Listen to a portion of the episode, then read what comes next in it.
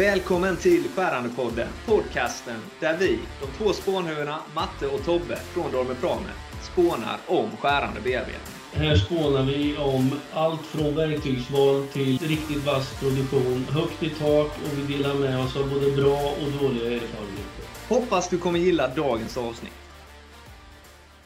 Ja, men hej och välkommen tillbaka till Skärandepodden med mig. Ja, så sitter han och garvar med, då kommer man ju ha det direkt. Ja, men jag tycker det är så roligt hur du laddar upp här. Liksom. Jag ser hur, hur eh, typ John Bon Jovi står eh, och ska värma upp publiken och så, och så laddar han upp och så kommer det ut eh, ett lugnt intro istället. Så här, äh, nu kör vi. Testa igen, förlåt. Jag ska inte garva. Ja, men kör du istället. Okej. Okay. Ja, du hör hur taggade vi är. Ja. Eh, bam! Varmt välkommen igen till Skärandepodden, Nordens enda podcast som handlar om skärande bearbetning med mannen, myten, legenden, hjälten från Ödeshög. Tobbe Johansson. Den, ständigt pigge unge mannen ifrån Halmstad. Ja, det var ett fint intro. Mattias Barnelind, tack så mycket. Tack så mycket. Ja, vi bombar på med inslagen linje nu. Eh, de senaste veckorna så har vi ju pratat mycket om verkstadsekonomi och sådär. Senaste avsnittet, Vad kostar en detalj? fick ju bra genomslag. Det har ju du fått en hel del frågor på och kunnat jobba vidare med sen faktiskt. Eh, eller hur Tobbe? Ja, det stämmer. Det är, ju, det är ju faktiskt nästan den ständiga frågan skulle jag vilja säga. Och det är ju om man säger, det är väl smålänningens uttryck, vad kostar det? Ja, exakt. Ja. ja, men alltså just att man lyfter den frågan lite och att vi då kan ge vår bild på det och hjälpa till mindre verkstäder och så vidare. Att mm. räkna ut vad en produktionskostnad kan bli och sånt. Det är ju jättekul att vi får, mm. att vi får assistera med de bitarna. Så det är ju fantastiskt bra. Men det är ju ja. lite det, hur långt är ett snöre? Vi försöker ju se så att snöret blir så kort som möjligt, eller hur? Precis. Vi har ju varit inne på det hur många gånger som helst, att det är väldigt mycket olika saker som spelar in. Men om vi bara ska spesa upp några så är det liksom det är ju lite grann vad du har för krav på detaljer som ska tillverkas. Alltså, kör du en, en detalj med mindre krav på, då går den snabbare och det går lättare att tillverka den. Det kräver inte lika mycket verktyg, du kanske inte har samma ytor på den. Ett hål till exempel, om du ska om du bara behöver borra hålet så är det ett verktyg. Ska du borra och brotcha är det två verktyg. Och liksom, alltså två verktyg är lika med mer pengar. Ja, och så ska du göra ett annat hål som är lite större och har en väldigt snäv tolerans så blir det ännu svårare. Liksom. Så är det. Och det är ju det. Det är inte verktyget som kostar utan det är hålet som kostar. Det är det, det ständigt återkommande mantrat här från verktygstillverkarna. Men kort sagt, anledningen är ju att vi, vi ska inte bara snacka om eh, verktyg och sånt, även om vi säkerligen kommer komma in på någon förslitningsdel här lite senare. Men vad vi helst av allt vill göra är ju att öka produktivitet. Mm. Och eh, ja, jag har ju forskat lite kring det här, just vad produktivitet är. Och eh, tro det eller ej, men eh, slog jag upp produktiviteten i Dormer Pramets ordlista så kom ju lika med Mattias Barnelind. ja, det misstänkte jag väl att du skulle säga. Det känns som du har varit lite hård på kaffet idag Mattias. Ja, jag har svept liksom om man säger. Ja. Nej, skämt åsido. Men man kan ju säga så här. Man tar själva resultatet genom den insatsen man sätter in. Och ut kommer då produktiviteten. Och den vill man ju ska vara så hög som möjligt om man säger. Och att få det så högt som möjligt, då ska man ju dividera med ett så lågt tal som möjligt. Så man vill ju egentligen göra ingenting och få ut allting om man säger. Då är man väldigt produktiv. Men det funkar ju inte riktigt så. Jag har en liten definition här som fastställdes i en deklaration från European Productivity Agency, Romkonferensen 1958. Det var väl ungefär när du tog eh, konfirmation? Studenten? Nej, inte, inte riktigt så. Inte riktigt så. Nej, inte det var, så tidigt. Det, det, var ett par decennium före min tid också. Ja, det är, det är ett gammalt definition här, men dock så viktig är det. Så jag skulle vilja bara få lite, lite strålkastarljus på mig här nu då, så ska jag eh, läsa upp detta. Det är då en definition om produktivitet. Produktiviteten är först och främst en personlig inställning. Den är en inställning till framsteg som söker en ständig förbättring av det som existerar. Produktiviteten är en övertygelse att vi kan prestera bättre idag än vad vi gjorde igår och att vi imorgon kan prestera ännu bättre än vad vi gör idag. Och Det är viljan att förbättra nuläget, utan hänsyn till hur bra det egentligen är. Det är den ständiga anpassningen av mänskligt och ekonomiskt liv till förändrade förhållanden. Det är den ständiga tillämpningen av nya teorier och metoder. Det är tilltron till människans möjligheter att förbättra sina egna villkor. Så kort sagt, sätter man ribban högre och högre för var dag som går så blir man mer och mer produktiv. Gör du det Tobbe? Det är klart att man sätter väl alltid ribban så högt som möjligt.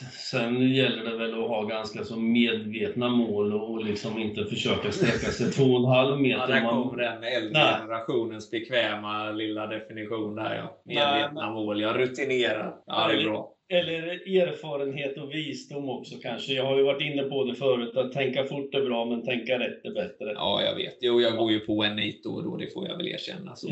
ja, man, man ska ju pröva en massa saker och även jag har varit ung en gång i världen och, och provat en väldig massa saker och liksom bränt fingrarna och, och, och, så här. Man lär sig vad som fungerar och vad som inte fungerar. Det är, ju, det är ju likadant inom det här. Alltså. Man, behöver göra, man behöver göra de där felen och misstagen. Så enkelt ja, så är det. Och produktivitet i vår värld kan ju vara egentligen flera saker. För man ska kanske inte ständigt tänka att vi måste förbättra dagens resultat till imorgon. Utan vi måste ju tänka på långsiktig hälsa och den biten också. Och många verktygstillverkare trycker ju på att ja, gasa på, pressa maskinerna, öka skärhastigheter och diverse. Va? Byt gärna skär var 30 minut så får ni ut mer detaljer. Visst är det så. Verktygskostnaden är en väldigt liten bit. Men orkar man byta skär så ofta? Vad är din erfarenhet Tobbe? Ja, det är klart att du orkar byta skär så ofta, men sen har du ju återigen flera olika aspekter i det här. Har du en maskin som är bemannad, där kan ja. du köra på det viset. Och har du en obemannad maskin så kanske du backar lite i både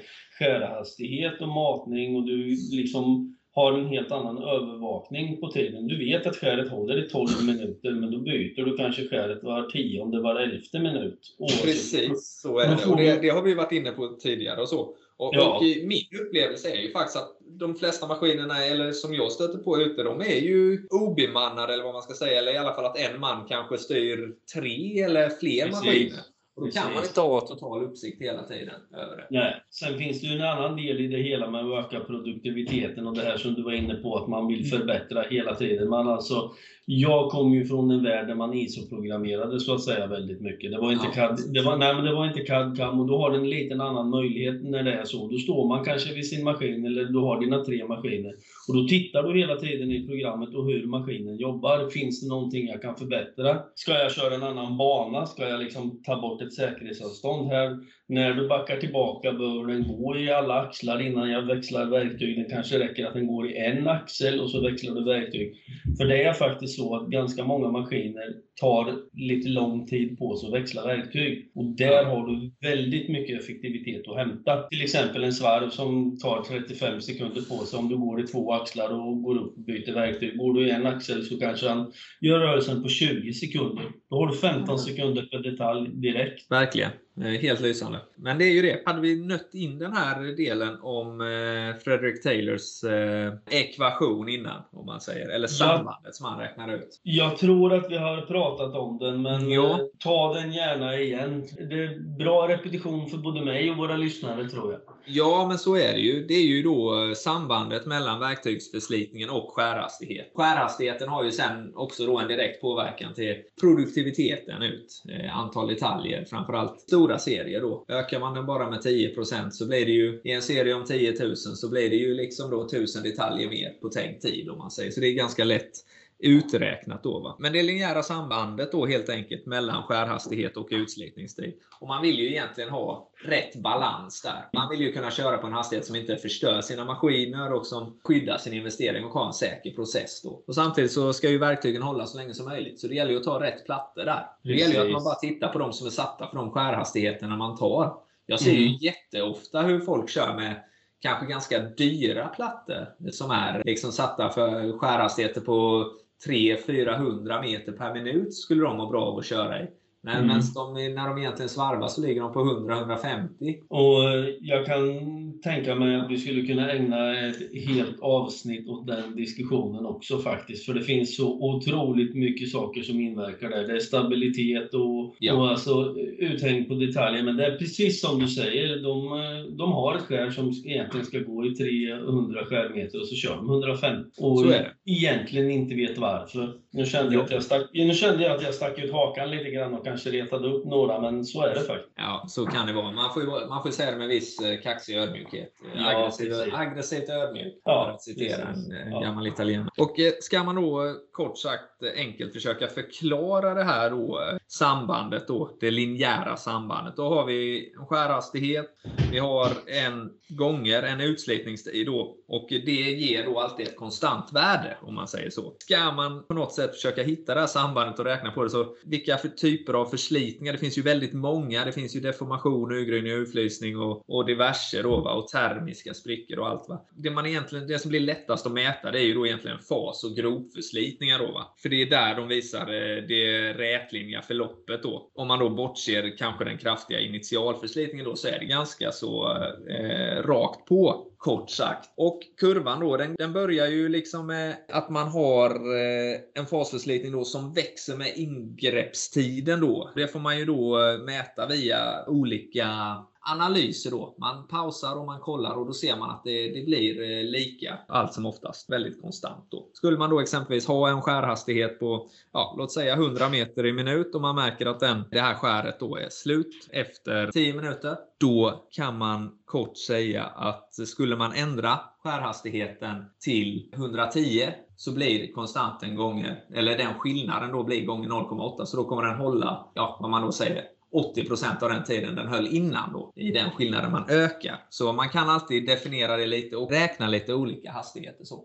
Men det är ju med eh, ett visst mått av eh, aggressiv ödmjukhet jag, jag säger detta också. Men ni, ni, som kör, ni får jättegärna testa detta också. Om ni, om ni kan motbevisa det eh, själva så får ni skicka in resultatet. Skärandepodden tar inte ansvar för eventuella verktygsbrott och kommer inte ersätta eventuella, eh, eventuella kostnader för detta. Men det är dock en utmaning. Så kör hårt! Ja, och med det sagt så tror jag vi ska ta och avrunda innan Mattias skickar ut alldeles för många ut utmaningar som gör att vi får lite för mycket frågor kanske. Men eh, nästa vecka händer det väl eh, lite mera nya och roliga grejer hos oss här på podden, Mattias? Ja, men det gör det verkligen. Ni kommer få höra Tobbe ställa fyra snabba intervjufrågor. Det ser jag mycket fram emot. Det kommer bli action. Vi kommer få eh, en väldigt intressant gäst. Utan att avslöja vem det är så är det en, en som är mycket duktig inom skärande bearbetning. Så kan vi säga.